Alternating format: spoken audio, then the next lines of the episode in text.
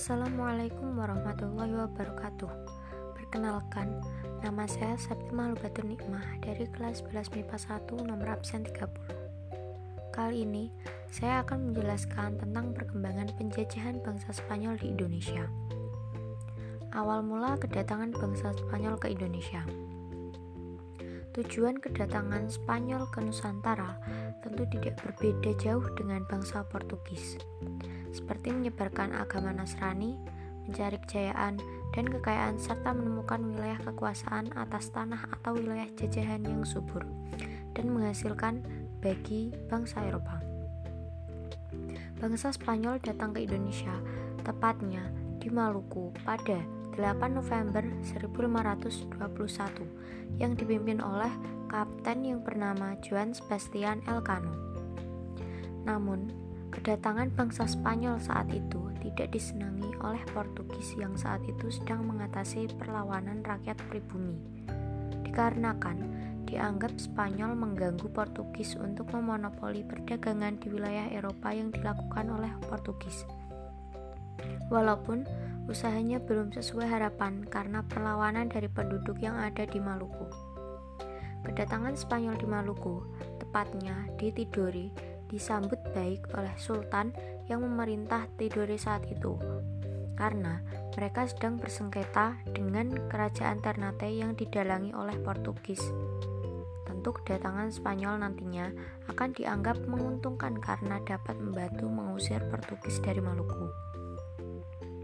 Akhirnya, sebelum terjadi peperangan besar antara Portugis dan Spanyol, maka dilakukan perjanjian ulang yang mana memperjelas perjanjian sebelumnya, yaitu perjanjian Saragossa pada 22 April 1529. Isi dari perjanjian ini yaitu 1. Spanyol harus meninggalkan Maluku yang lebih dahulu ditemukan oleh Portugis dan sesuai dengan jalur pelayarannya. 2 Spanyol kembali ke Filipina dan mendirikan pusat kekuasaannya di sana bukan di Maluku. 3. Portugis tetap tinggal di Maluku dan bebas melakukan perdagangan. Spanyol meninggalkan Maluku dan pergi menuju Filipina. Akhirnya, demi kepentingan bersama dan meminimalisir peperangan antar bangsa Eropa yang ada di Maluku antara Portugis dan Spanyol akhirnya mengalah dan menyetujuinya. Spanyol bergerak ke arah selatan menuju Filipina dan mendirikan pos kekuasaan di sana. Spanyol hanya menunggu waktu yang tepat agar Portugis dapat dikalahkan dan meninggalkan Maluku tanpa harus berperang. Pilihan ini tentu tidak membantu bangsa Indonesia, karena penderitaan bangsa masih terus berlanjut karena hal tersebut tetap terjadi dan semakin menyakitkan terutama ketika kedatangan Belanda. Peristiwa penting kedatangan Spanyol ke Indonesia yaitu 1. Spanyol datang ke Indonesia pertama kali di Tidore, Maluku pada 1521. 2 Kedatangan Spanyol ini bertujuan untuk mencari sumber rempah-rempah dan juga menyebarkan agama. 3. Adanya perjanjian yang bernama Perjanjian Saragossa bersama dengan Portugis. 4. Spanyol meninggalkan Maluku pada 1529.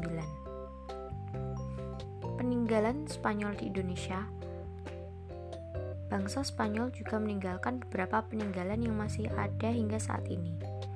Berikut ini adalah benda peninggalan bangsa Spanyol di Indonesia. 1. Benteng Tahula di Tidore, Maluku Utara. 2. Monumen di Tidore, Maluku Utara. Kebijakan ekonomi bangsa Spanyol. Bangsa Spanyol datang di Indonesia pada tahun 1580 Raja Spanyol Philip II memerintahkan gubernur jenderal Spanyol yang ada di Manila untuk ekspedisi di wilayah Ternate. Kedatangan Spanyol di Ternate berhasil untuk membujuk kerajaan Ternate untuk menandatangani perjanjian yang mengharuskan Ternate mengakui kekuasaan dan memberikan hak monopoli cengkih bagi Spanyol. Selain itu, kebijakan ekonomi yang diterapkan oleh Spanyol di Indonesia adalah mengenai kebijakan barter yang dilaksanakan di Pulau Jawa. Kebijakan ini dilakukan karena pihak Spanyol sulit untuk mendapatkan pengaruh di Maluku maupun di Ternate karena adanya campur tangan dari pihak VOC. Barter yang digunakan oleh Spanyol adalah dengan menukar kebutuhan sehari-hari seperti beras, jagung, dan gandum serta kain. Kemudian ditukar dengan rempah-rempah. Dampak penjajahan Spanyol di Indonesia yaitu 1. Pengendalian kelompok pribumi 2. Menguasai dan mendapatkan kejayaan 3. Populasi yang kian berkurang 4. Budaya yang hampir hilang Demikian penjelasan dari saya. Terima kasih. Wassalamualaikum warahmatullahi wabarakatuh.